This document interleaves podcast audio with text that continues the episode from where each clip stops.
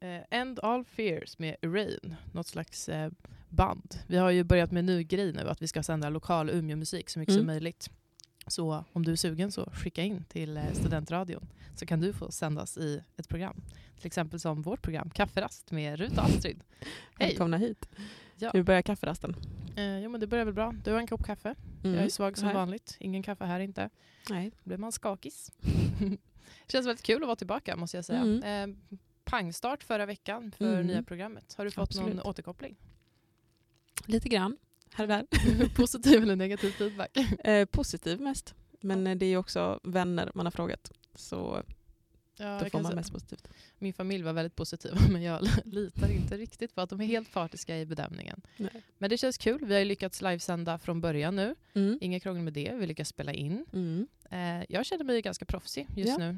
Skönt. Förutom att vi glömde spela låten från början. Men äh, man kan inte klara allt. Ja.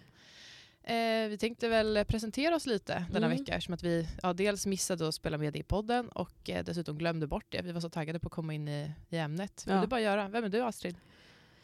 Jag heter Astrid. Hej Astrid. Jag, eh, ja vad ska man ens säga? Jag är 24 år gammal numera, från Skåne. Läser till journalist här i Umeå.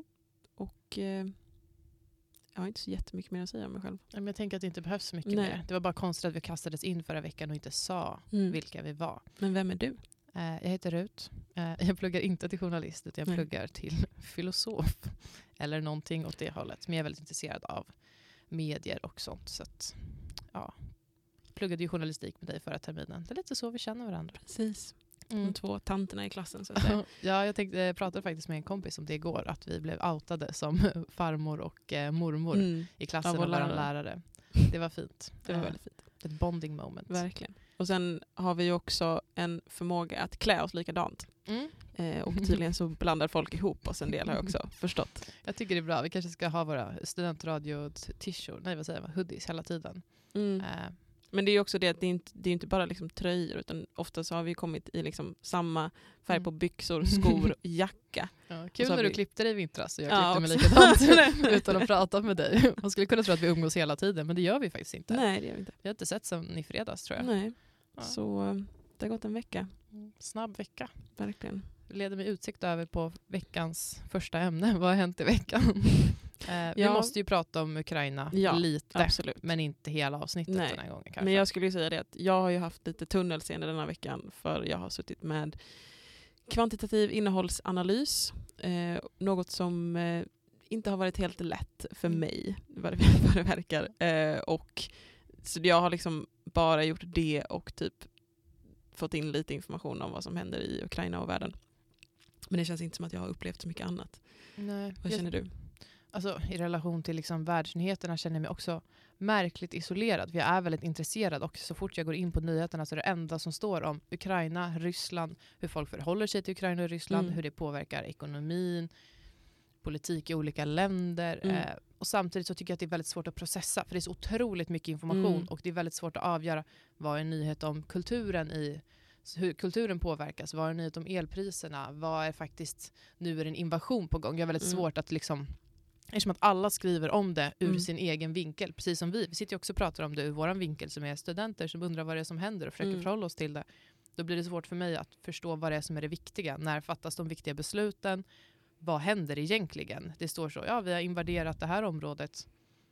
Det säger inte mig någonting för jag kan ingenting Mm. eh, om Ukraina och då blir det väldigt svårgreppbart. Så Mm. jag hade typ velat ha någon slags, det kanske finns, kanske borde kolla upp det här, men någon slags sammanfattning av vad har hänt i veckan? Mm. Fast det går ju typ inte att göra det heller just för att det händer hela tiden. Så man måste ju också ha de här live-uppdateringarna.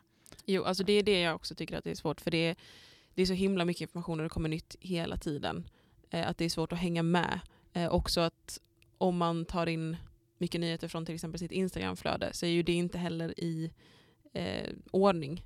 Så det är ju så mycket som kommer huller om buller. Mm. Eh, och man vet inte hur fort informationen blir eh, o, eh.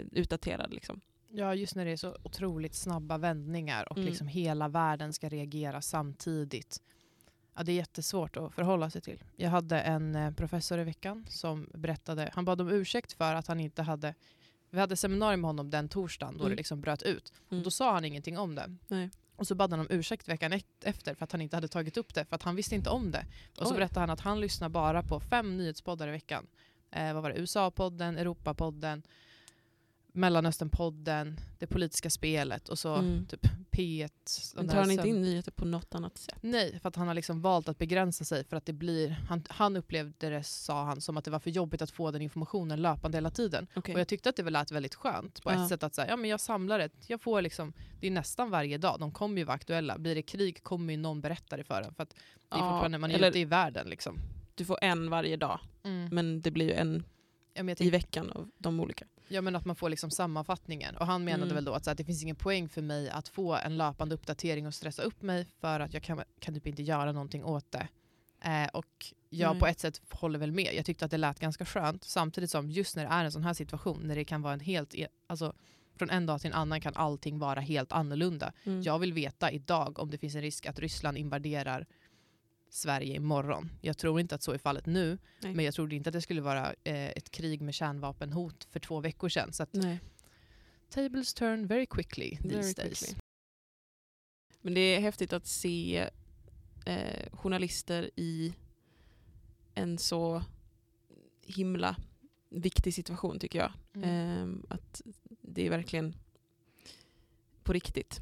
Eh, liksom att se i Rapport att direkt, alltså när de har sin korre uppkopplad så får han gå ner i skyddsrum under eh, tiden han är liksom i sändning. Mm. Det är starkt tycker jag. Eh, det, också, det visar också hur viktigt det journalistiska yrket är just nu. Så är det ju liksom ett av de viktigaste yrkena som finns. Ja, jag tycker det är spännande. Spännande kanske är fel ord när man pratar om sådana här situationer. Men man diskuterar ju väldigt mycket om det här, alltså hur det här är ett informationskrig. Och typ hur Ryssland censurerar medier inom landet, hur man Ja. rapporterar inom olika länder. Eh, men också att det sprids så mycket falska nyheter. De har ju liksom tagit över Anonymous tog väl över liksom alla tv-sändningar i Ryssland förra veckan har jag för mig. De har gjort massa olika grejer. Eh, kupper av olika slag och jag hörde bara nu när jag lyssnade på radio, tror jag var igår, så pratar de om att så här, ja, men det är bara liksom den traditionella eterradion som fungerar. Man får liksom stoppa Jaha. upp sin metallpinne i luften för att kunna fånga nyhetssändningar. För att, om du är i Ryssland, Mm. för att så här, de sändningarna som sänds i Ryssland de kommer bara vara liksom, propaganda. Du kommer inte få faktisk information om vad som Nej. händer. Så Det att, senaste Putin hade sagt i ett tal var väl att allting går jättebra. Kan tänka mig att han tycker det. Frågan är ju om han är... Om han tror... Alltså han tror ju inte på det. Eh, men om Man han... borde ju inte göra det för att allt, alltså, det pekar ju ändå åt andra hållet. Mm. Men jag tänker att det måste ju vara en taktik han har då. Att så, eh, att Jo, han kan ju inte erkänna. Nej, inte för sig själv men också att han måste väcka. Det är svårt att engagera sitt folk i en kamp om man inte låtsas som att det går bra. För att om han säger oj det går ganska dåligt och så ska de förhålla sig till det då kommer de också tycka att det går dåligt. Ja, jag känner mig väldigt förvirrad bara över hela den här situationen. Jättesvårt Och, att eh, hänga med. Förkrossad. Mm. Att det är en fruktansvärd situation. Ja, ja men det känns som nästan banalt att sitta och vara så åh Live Nation ställer in alla konserter i Ryssland. Mm. Bara, det är också kärnvapenkrig kanske. Eh, det är som kalla kriget bara fortsätter. Och, ja, det blir typ obehagligt när jag tänker på det och jag blir ledsen och jag vill inte då förtränga det och liksom strunta i det och leva på mitt liv för att det känns jättedumt. Men Mm. samtidigt så blir det svårt att liksom, hur ska jag ta del av det här i min vardag? Jag måste ju också bara göra mina vardagsgrejer. Jag måste ju gå till campus, jag måste ha min föreläsning om någonting helt annat. Jag måste Mm. typ städa och handla. Eh, Jag tänker inte, alltså det går typ inte att göra någonting och därför blev jag också lite avundsjuk på min professor som inte lyssnar på nyheterna för att Mm. jag gör ingenting av informationen jag får. Jag blir bara överväldigad och blir förvirrad. Jag skulle, ja men typ MSB, eh, myndigheterna För samhällsskydd och beredskap. Exakt. De borde ju skicka ut information om så här, så här ska du förbereda dig. Det hade Ja, varit du har rimligt. fått broschyren. Eh, om jag har fått om- broschyren. Ja, om kris, kriset eller Har, kriget har de kommer. skickat ut den nu? Nej, det var några år sedan. Det Ja. var ju en ganska stor grej då. Ja men det kommer jag ihåg. Du kan ju, också man kan beställa kriset. hem den igen. Ja. Krisen Ja. eller kriget. Ja, men det är så här, folk vill ju ha information och deras hemsida hade ju kraschat tror jag, i förrgår eller Mm. när det nu var. För att alla går in och är så här, hur ska jag kris göra mig beredd? Vart är mitt närmsta skyddsrum? Vad behöver jag hemma? Mm. Eh, folk förbereder ju sig på ett sätt och man skulle vilja ha all, all relevant information skickad eller samlad på ett tydligt sätt. Jag Och tror att det är den broschyren. Eh, det är den broschyren och deras hemsida men den hemsidan kraschar. Eh, Jaha, jag tycker att det är så många som är inne. Ja, så uppenbarligen finns ju en vilja att ha det, men det är väl där man kanske ska söka informationen istället för att bara, typ som nu när jag gick in på DN och bara scrollade och jag bara får det här händer med sporten, det här händer med det här och Mm. allt spelar ju roll men det blir väldigt komplext och svårt att sätta sig in i. Jag skulle vilja ha typ ja, men som så lättlästa nyheter, bara det här är vad som händer kortfattat. Och det finns ju, men Mm. jag blir så överväldigad av att jag blir så, får så mycket information om det så att jag orkar inte söka upp egen information. Att jag blir typ lite paralyserad av Jaha, vad ska jag göra nu då? Det händer så himla mycket och jag är typ rädd att jag ska råka läsa någonting som typ leder till att det blir mer krig. Vilket Mm. är lite dumt, men det är som att Va? det, det jag inte vet kan inte skada mig. Jag tror att jag får den inställningen. Att om jag inte läser att oj, nu hotar de om kärnvapen, då hotar de inte om kärnvapen. Alltså, jag, rationellt Mm. förstår jag att det inte är så.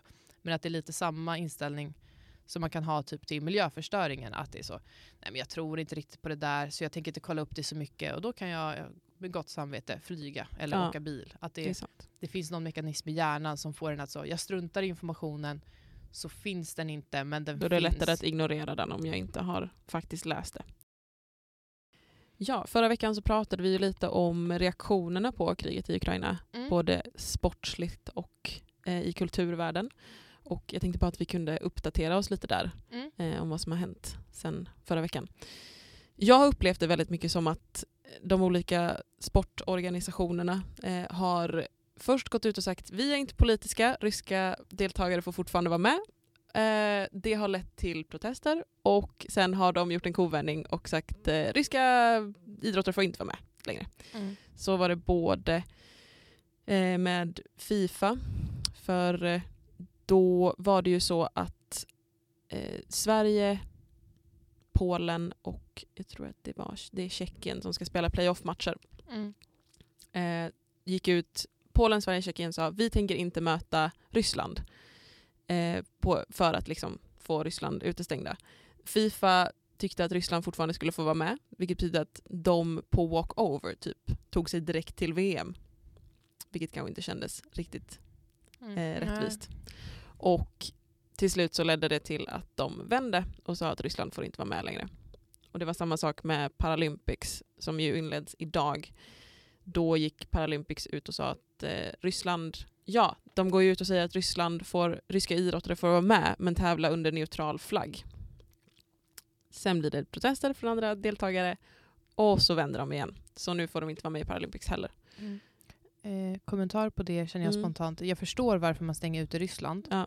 Eh, men jag tycker att det är konstigt att demonstrera mot enskilda individer. Men det kanske är svårt att, att särskilja ryska deltagare från Ryssland även om det är under liksom, neutral Jo, flagg. Samtidigt som vi vill väl liksom stänga ute Ryssland, inte ryska befolkningen. Nej, det är ju det här, vi pratade lite om det här förra veckan också, att det är det, Mm. det som är den svåra avvägningen.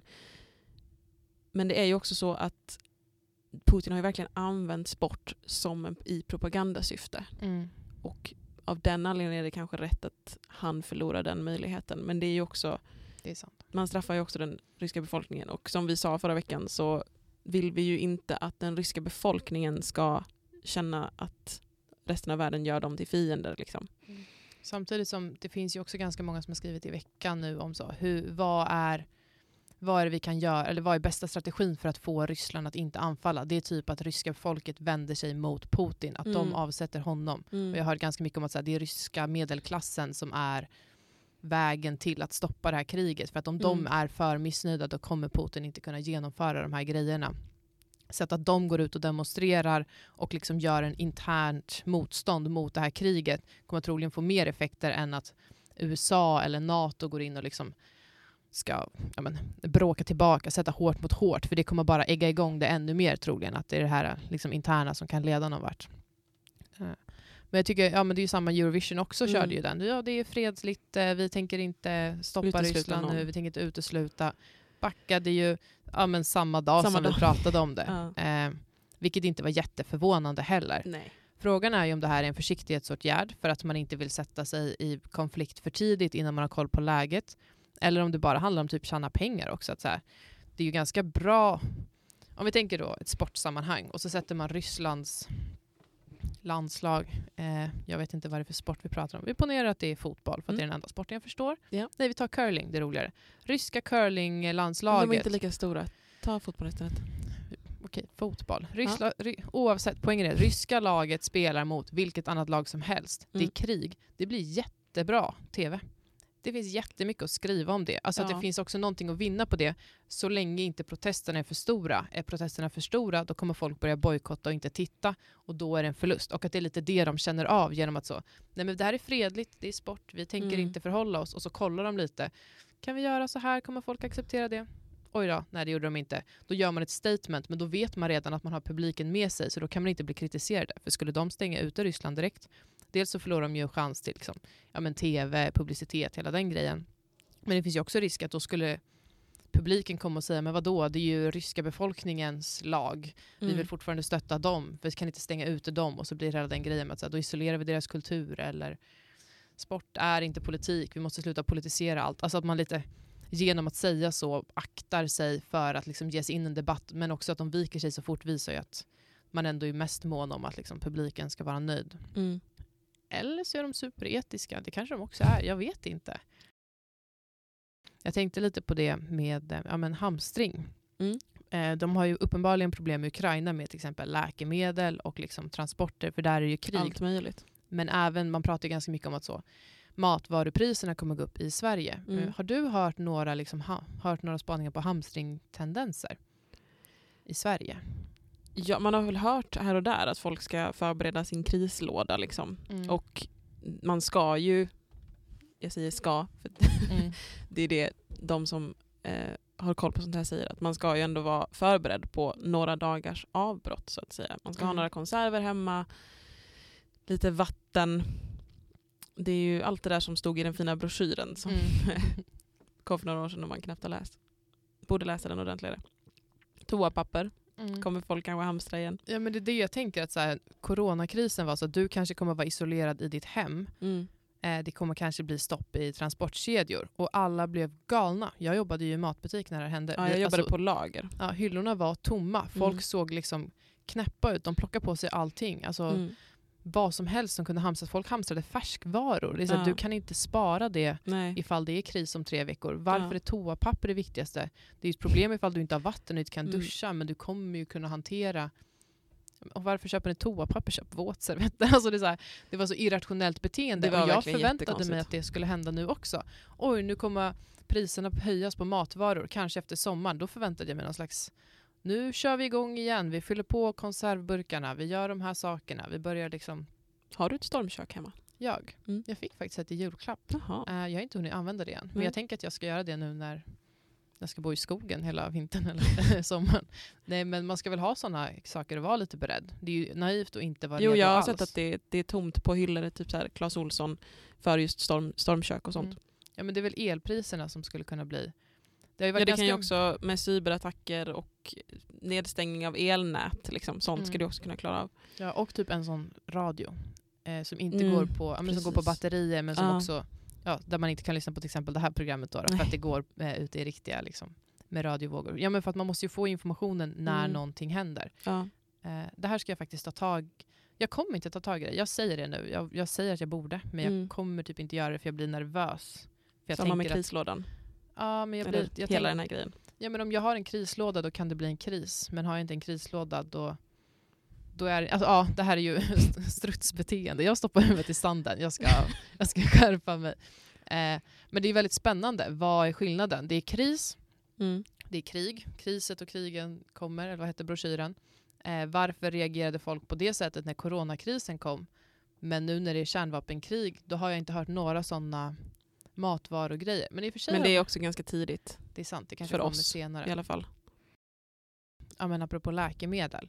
Mhm. Ja, det är jättejobbigt om potatisen tar slut eller vi får brist på kaffe. Mm. Men typ sådana läkemedel som man behöver dagligen. Jag hörde i veckan så var det utrikeskorrespondent i Ukraina som pratade om ja, men problemet med typ så blodtrycksmedicin, alltså den sortens medicin, ja, den som man behöver varje dag och hur den börjar nu, man kan inte köpa den, det börjar bli, ta slut på apoteken i Ukraina. Folk, det kommer Men också folk som flyr folk. och inte får med sig. Liksom. Ja, har du inte pass med dig och dina recept då kan du ju inte hämta ut vilka mediciner var som helst. Mm. Eh, Det här är ju en liksom, ja, men dödsfall och sjukdomsfall som man inte riktigt tänker på. När man tänker krig så tänker man vem blev sprängd? Eh, vem sätts i fängelse? Men det är ju egentligen så pensionärerna som, som inte ja, får sina mediciner. Jag tänker alltså småskador kan ju bli ganska allvarliga om man inte har tillgång till liksom, de enklaste smågrejerna. Liksom. Mm. Eh, Men jag också såg, för jag googlade då, snabb research innan programmet, hamstring? Frågetecken. Mina Google-kunskaper är extremt bra. Eh, och då stod det så på Läkemedelsverket att vi ska inte, men hamstra inte medicin, det Nej. kommer inte hjälpa någon och det är bättre Nej. att det finns på lager. Ja. Eh, Så jag tänker att folk kanske också har lärt sig att så här, vänta, det här med att hamstra toapapper, det gav mig bara en väldigt fullt förråd. Var det inte så att folk köpte på sig jättemycket typ ibumetin eller ibuprofen och paracetamol när Mm. corona kom och så fanns det liksom inga smärtstillande för barn. Eller det var något sånt jag såg Mm. på Facebook kommer jag ihåg. Och det är ju jättehemskt om det blir så. Att liksom, för, och det var ju också så irrationellt för att det hjälpte ju inte ens med paracetamol mot corona. Liksom. Nej, jag tror väl snarare också, det var väl både för att man ville safea sig själv, Mm. men jag tänker att också, ja, men om, om rekommendationen är att när du blir sjuk, då ska du inte gå ut, för att när du går ut så kanske du dödar dina grannar. Ja. Jag, tänk, jag tror också jag var en av de som köpte på mig lite, inte jättemycket, men bara att så här, jag ska kunna bli sjuk och ligga hemma med feber. Mm. Och om jag inte kan ta mig ut så ska inte jag behöva att någon kommer hit. Jag vill inte gå ut och röra mig bland folk och även om det inte är corona så ska ju inte jag gå ut och snora på människor. Om jag känner mig febrig så måste jag kunna stanna hemma så jag vill ju ändå ha, ja men klara sig några dagar. Typ med värktabletter och sånt också. Ja. Men jag bara kommer ihåg att jag reagerade väldigt starkt på eh, en post jag såg om det. Mm. Jag tyckte det var hemskt. Ja, det, är ju, det kan vi prata lite mer om faktiskt om jag får byta ämne. Det här är egoism i kris. Mm. Eh, jag tänker den, den ja, men, man vill ju överleva. Så då kommer det så, nu är det krig, nu är det kris. Det kan vara Mm. corona, det kan vara kärnvapenhot eller vad det nu är. Är du den som anmäler sig till hemvärnet? Ja men precis, vem, vem är du i den situationen Mm. Astrid? Är du den som liksom hamstrar eh, Ipren och grejer för ditt eget bästa eller kommer du alltid ha liksom det mer altruistiska synsättet tror du? Det är väldigt svårt när man är, har varit så himla långt ifrån det, den, det scenariot. Men man vill väl tro att man är den som, eh, som beter sig rimligt och bra. Liksom. Mm. Och jag vet inte, jag har väl ändå sneglat lite på GMU och sånt. Lite grann. Mm. Alltså grundlig militär utbildning. och du innan var jag sugen på valde det? Lite grann när jag hade mina pausår och inte visste vad jag skulle göra eller om jag ville plugga. Bara för att, men det tror jag också var för att jag var lost i livet och ville ha strukturer och tänkte jag Mm. militären. det är ordning och reda. Det är ordning och reda. Det är kanske det jag behöver i livet. Men om du skulle få, om de ringer till dig och säger ja vi behöver alla unga starka för nu måste vi rusta oss för krig, vi behöver folk vid fronten. Mm. Hade du, om det är ett alternativ att du faktiskt kan tacka nej, men du, de säger vi behöver dig, eh, du har möjligheten att säga nej men det vore väldigt bra för att liksom värna nationen. Är du tillräckligt liksom patriot, patriotisk för att liksom ställa upp på den? Jag tror faktiskt det. Du skulle göra det? Jag tror det. Det är starkt. Alltså, jag vill ju ha, då, man ska ju få utbildning och sättas nej, alltså, på du rätt ska gå ställe dit naken och slåss med pinnar. Men jag, jag tror faktiskt att jag skulle säga ja. Mm. För att det, det skulle kännas rätt. Hur känner du? Mm. Jag vet inte. Mm. Jag tycker det är en jättesvår fråga. Jag också funderade där i förvirringens år efter gymnasiet. Mm. Man kanske borde göra värnplikt. Ja. Eh, vi var ju också första generationen. Vi är lika gamla, eller hur? Nej, det är vi inte. Nej. Då är Du. jag, jag är den första. För jag kommer Ja. ihåg att min årskull var de första som fick hem det här brevet och vi kunde faktiskt bli kallade mot vår vilja. Mm. Och jag tyckte det lät spännande. Jag fyllde i ganska positivt. De ville inte Mm. ha mig. Nej, Eh, och jag var vet lite du varför? jag var lite kränkt. Eh, jag tror... Dels så skrev jag att jag hade typ ont i ett knä. Vilket Okej. jag, hade, jag hade jättemycket knäproblem förut. Eh, jag tror att alltså bara en sån sak så försvinner man ganska fort. För Ja. att de är så, Min lillebror blev ju också bortsållad faktiskt. Och han var sugen. mm, Men har, var ärlig. För det är det som är det roliga med de här eh, möjligheterna att fylla i. Jag vet ju jättemånga som har ljugit på de där Mm. och sagt att de har alla möjliga åkommor för att de inte vill bli kallade. ja. Medan min kära lillebror var ärlig med att han har infektionsastma. Och då tackade de nej till honom. Ja, men jag tänker att det är så här, de vill ju ha dem... Jag tänker att det är ett dubbeltest. Mm. Det är både de vill kolla att man har liksom den fysiska förmågan att faktiskt göra det och Mm. den mentala förmågan. För att det är ju psykologi. Ja, jag har kompisar som har varit med och faktiskt har gjort lumpen. Mm. Eller GMU kanske man ska säga för att vi inte är så gamla. Jag vet inte. Eh, men det är, så här, det är ju psykologtester och grejer. Och att det är så här, ja man kan ju vara ärlig, men då kommer man troligen... Alltså det räcker med att säga, ah, men lite smygdeprimerad, funderat på meningen med livet. Alltså börjar man säga sådana saker, vilket ju alla pass? människor gör, då kanske de inte väljer just dig ifall de har lite folk att välja mellan. Eh, du kanske, men jag tänker också att en del av testet är att vad, vad väljer du att säga i en sån här situation? Om vi kollar, gillar du att arbeta i grupp? Om du säger nej på det, Mm. Uppenbarligen så är inte du gjord för militären, men om du inte är jättetaggad på grupparbete men vet att det krävs av dig i militären och säger ja, då har du förstått vad militären ställer för krav på dig och då kanske du ändå kan anpassa dig. Att det kan vara en lite sån grej också. Typ som går man på en arbetsintervju och så frågar de, är du engagerad och driven? Då vet man att så här, om jag vill ha det här jobbet, då måste jag säga ja. Och de förstår ju att man kommer säga ja. Är man dum nog att svara nej då, då ska man typ inte ha det jobbet. Att det Men blir är inte lite... det ärlighet då? Jo, men varar ärlighet alltid längst? Nej det gör ju kanske Eller inte det. vill militären ha väldigt ärliga människor som inte gör det de ska? Är väl frågan. Jag vill typ säga att jag kan Mm. eh, ställa upp och Mm. slåss för mitt land, även om jag liksom inte Men- kan slåss för mitt land. Men om jag skulle få utbildning och göra det, om jag skulle få göra det jag är duktig på. Typ, Mm. ja men du kan koka soppa till Ja, alla precis. Du soldater, tvätta kläder, alltså Ja. sådana grejer. Eh, det första som behövs när det blir kris är ju förskolor. Jag har jobbat Jaha. inom förskolan. Ja, men Ja. Alla soldater som ska ut, vart ska barnen vara? Alla som ska ut och jobba, alla som ska vara beredda. Vad Ja. gör vi med en familj där vi har en förälder som plötsligt ska åka iväg och göra någonting ganska fort? Vart ska de barnen ta vägen? Eh, där finns min roll att fylla. Och jag tror jag skulle vilja göra det. Om Mm. de bad mig. Och det var Någon som du älskade av Niklas Mattsson. Återigen ett, ett cool, en cool framsida, mycket neon och grejer. Jag blir alltid glad av ett, ett, ett glatt eh, skivomslag. Det, Får vi känna mycket glädje. ger någonting faktiskt. jag älskar glädje. Vad känner du? Svår fråga. Jag älskar Ja. också glädje faktiskt. Ja. Behöver mer av det. Jag tycker vi. Då, då går vi över till lite mer glädje. Vi flyttar oss från världen till våran värld, lite närmare oss själva, Ja. Umeå. Umeå. Vad har du för Umeå-spaningar? Vad har hänt i, i Umeå den här veckan? I ditt liv den här veckan? Det var ju rally-VM här förra helgen. Ja, berätta allt. Eller jag har ingen Svenska koll. rallyt. Ja, alltså min...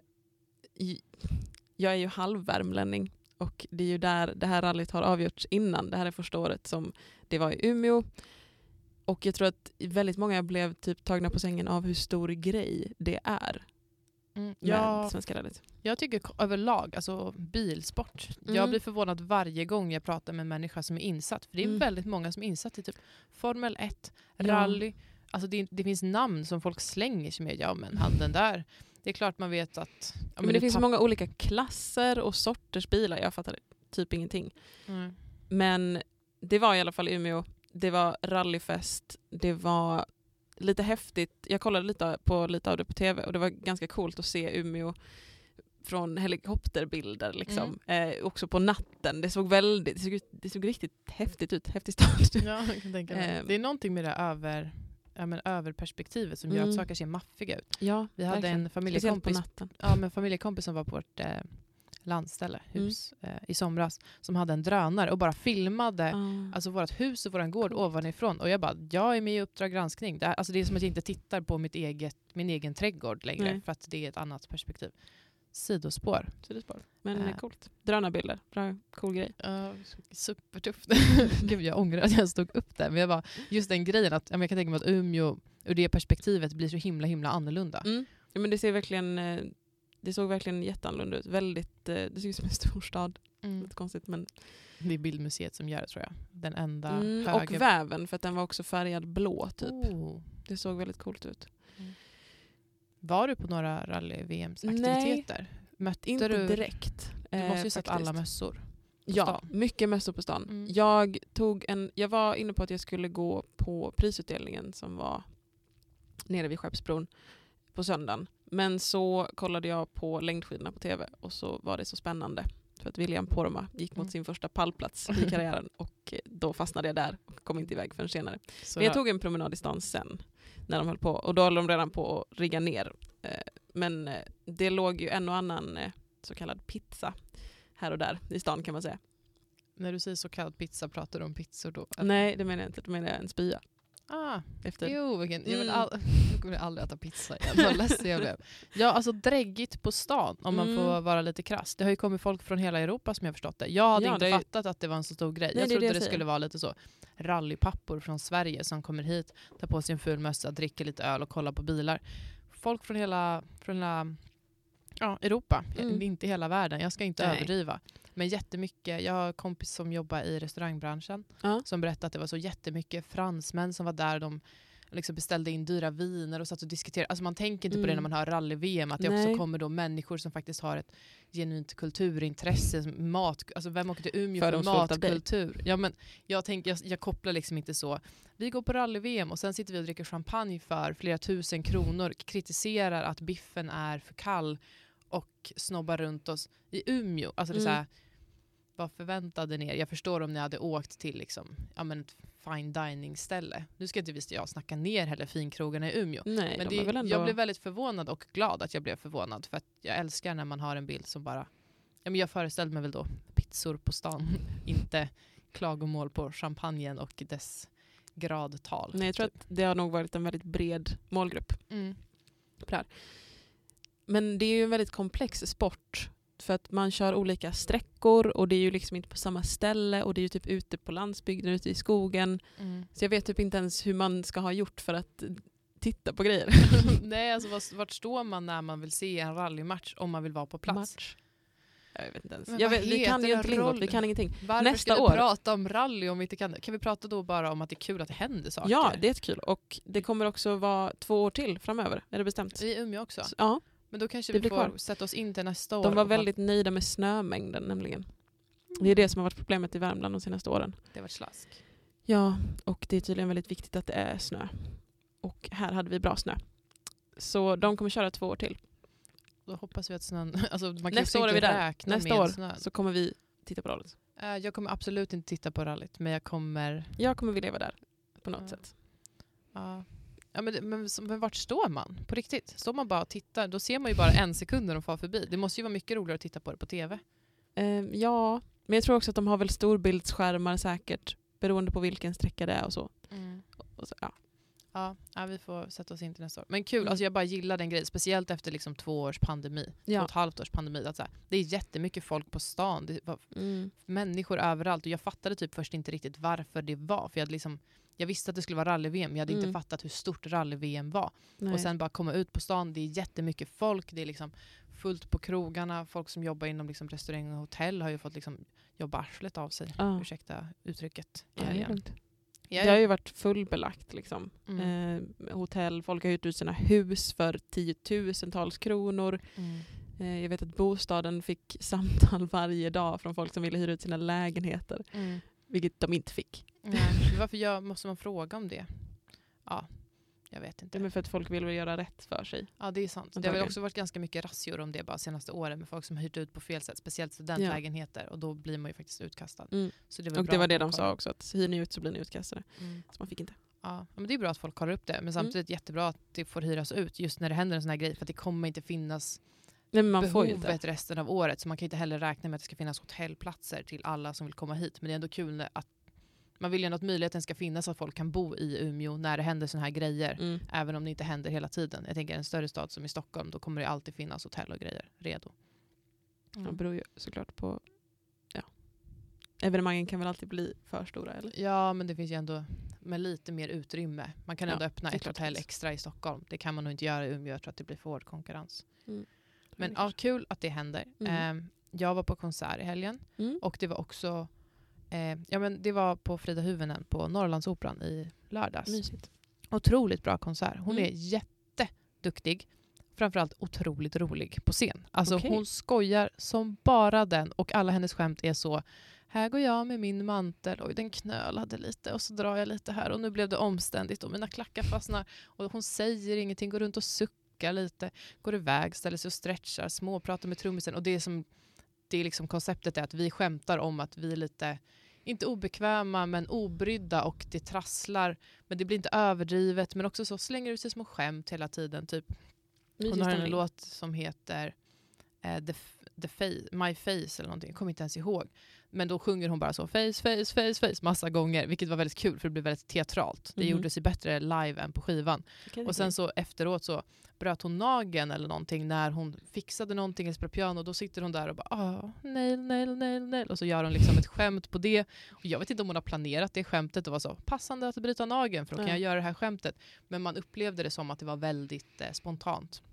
Kul. Jättekul. Jag har sett henne två gånger förut så jag Okej. visste ju vad jag hade att vänta men jag Ja. blev ändå väldigt glad. Och det var kul att sitta väldigt nära Mm. väldigt många kulturtanter. Eh, publiken såg exakt likadan ut. Alla hade såna här runda glasögon med likadana bågar. Eh, alla hade ja, men typ sådana frisyrer som vi har. Hår där man har halva håret uppsatt men andra halvan hänger ner. Mm. Väldigt mycket polo med skjorta över. En kulturtantsklänning. Alla såg exakt likadana ut men i åldrarna 18 till 80. Och jag passade perfekt in och kände bara så, alla ni här ser trevliga ut. Jag vill Mm. vara alla eran vän. Så ja, lite obehaglig sektkänsla men också väldigt kul. Väldigt bra konsert, stående ov- ovationer. Det var väldigt roligt för att eh, ja, men det var ett förband från Umeå. Eller det var inte ett förband, det var en för artist. En uppvärmningsakt. En uppvärmningsakt. Vad Ja. hette hon? Nathalie Lidqvist. Som Mm. är, ja, men pluggar här i Umeå, engagerade i lite andra olika grejer. Eh, Mhm. Som spelade. Och hon var också jätteduktig. Och det var väldigt kul att hon stod där med sitt lilla band, fick prata lite. Och man Mm. märkte att så här, här är någon som inte är lika van att stå på scen. Men får göra den grejen. Superduktig. Mm. Så kommer Frida in, gör sin grej. Alla var glada. Och sen var det sprängfullt på Elektra efteråt. För alla skulle dit och dricka en öl efteråt. Och Såklart. smälta konserten. Det var, och alla såg likadana ut. Alltså det var verkligen roligt. Eh, men jag hade också en otroligt bra musikupplevelse på fredagen. Okej. Som inte, vi behöver inte prata om min helg. Men eh, det har varit Umeå Folk som är Umeå Ja. Folkmusikfestival eller någonting. Jag har inte jättemycket att säga om det annat än Nej. att det har varit. Eh, och Ah, jag, eh, min kära mor tyckte att jag skulle volontära på den. jag sen så funderade på det jag innan. inte tag i det. Det hade nog varit ganska kul. Ja, det Eh, jag säkert. För kvällen innan så råkade jag också vara på Elektra. Jag är väldigt sällan där, men nu var jag där två dagar i rad. Och då satt vi där på kvällen och det kommer in liksom det här gänget som har varit på Folkmusikfestivalen. 15 pers, alla har med sig ett instrument. De sätter sig i Va? en cirkel och börjar köra liksom folkmusik. Några Nej, ställer sig och mysigt. dansar. Jag vågade typ inte gå upp och dansa för de dansar ju en dans jag inte kan dansa. Ja. Men det var också som att så här, jag ville typ ställa mig och titta. Stod och tittade ett tag och så bara, fast det är också som att jag står och tittar på ett gäng för de umgås bara men de gör det med instrument. Så det blev också Fast gör man en sån sak på en, på en public place så tycker jag att då får man ju räkna med att folk Ja, tittar. gud ja. Och de vill ju att man ska titta Ja. på dem. Men det blev väldigt intimt för de sitter i sin cirkel, har sin lilla jamgrej. Gud vad häftigt. Eh, ja, det var faktiskt... Det var inte den bästa musikupplevelsen eftersom att konserten dagen efter var väldigt bra. Men det är kul med den sortens spontana musikupplevelser Mm. som är... Jag förväntade mig inte det här, jag kliver in i ett rum och jag plötsligt får en liten minikonsert också i en genre som jag aldrig skulle leta upp själv. Det är en Nej. anledning till att jag inte gick på den här festivalen. Jag är inte tillräckligt intresserad. Har du jag någon relation till folkmusik? Mm. Jag har varit på Urkult som är en Okej. världs och folkmusikfestival i, I- Ångermanland Aha. som är varje år. Det har varit två års uppehåll nu. Mm. Gissa varför? Corona. Eh, men det är sommar igen och då ska jag dit. Okej. Jag eh, ska köpa biljetter typ ja, idag, kanske imorgon. Och då samlas det ju ja, men folkmusik och ja, men, den sortens artister som liknar det. Vasas Flora Fauna, Anna Brun. Eh, jag kan tänka mig att Annika Norlin skulle kunna spela. Mm. Lale tror jag varit där något år. Kapten Mm. Röd var där ett år. Oj. Otippat. Han Ja. passade inte in och han sa Nej. det. Jag har verkligen velat spela här alltid och publiken var så De vill inte du? ha Kapten Röd där.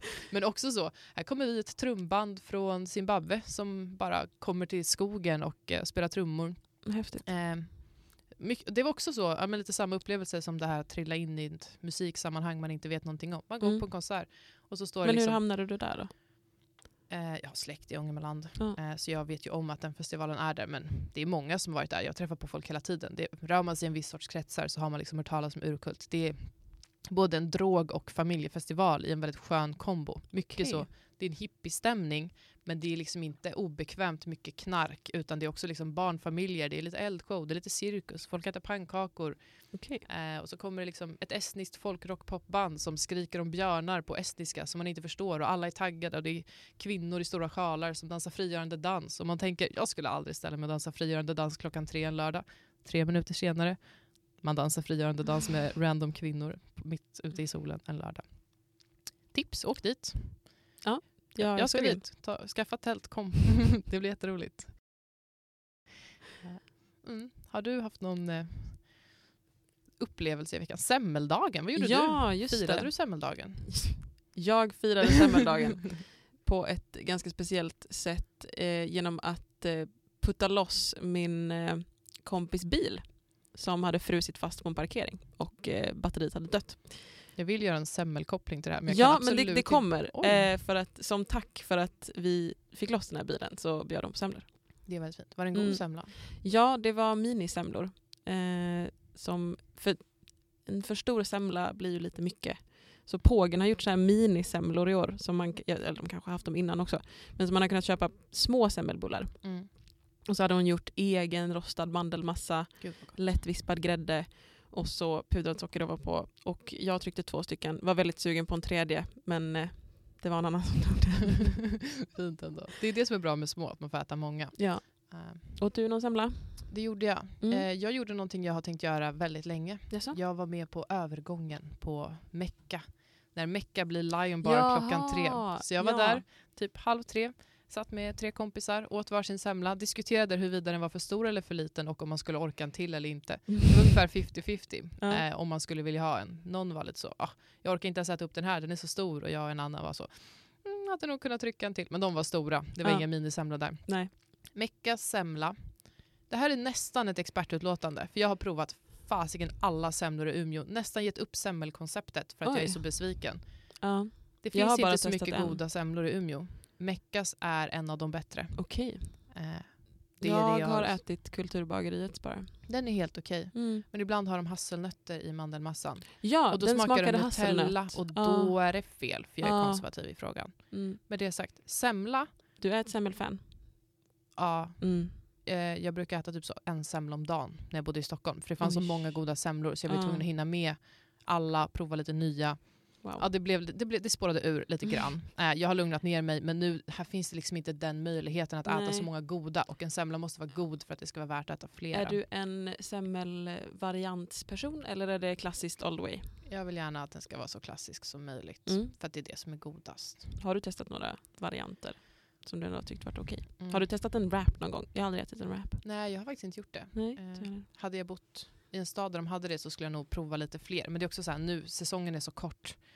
Eh, så då vill man typ passa på att äta de som man faktiskt vet är goda. Och det är Ja. väldigt stor skillnad på semla på ett ställe och semla på Gud, ett annat ja. ställe. Så jag kan tänka mig så lite sa- havssalt, rostade mandlar, men jag behöver liksom inte ha chokladbombsgrejen. Nej, Mm. det är faktiskt sant. Men kombinationen semla, Mm. kaffe till det. Ja. Eh, oj, klockan är tre. Nu stänger Mecka och blir Lion Bar. En öl direkt efter. Man tror att det ska vara mastigt och lite konstigt. Succé. Succékoncept. Jävlar vad trevligt. Eh, också jag ganska, måste testa. ja, men vet du vad, man behöver inte äta en semla, man kan fika vad som helst. Bara Ja. den grejen att så här, klockan är tre, nu blir det bar, Ja, nu kör vi. Mycket trevligt. Ja. Mm, det är ju det är ett väldigt speciellt ställe. mm, Lion Bar. Lion Bar, Mecka. Ja, vi kanske ska prata mer om det nästa vecka. Det kanske vi ska. Det rimmar. Lion Bar Meckan nästa vecka. Vecka. Jag Ja. uppskattar ett bra rim. Det är så trevligt. Och att vi får avsluta Med ett denna rim. livesändning. Jag ska börja skriva rim.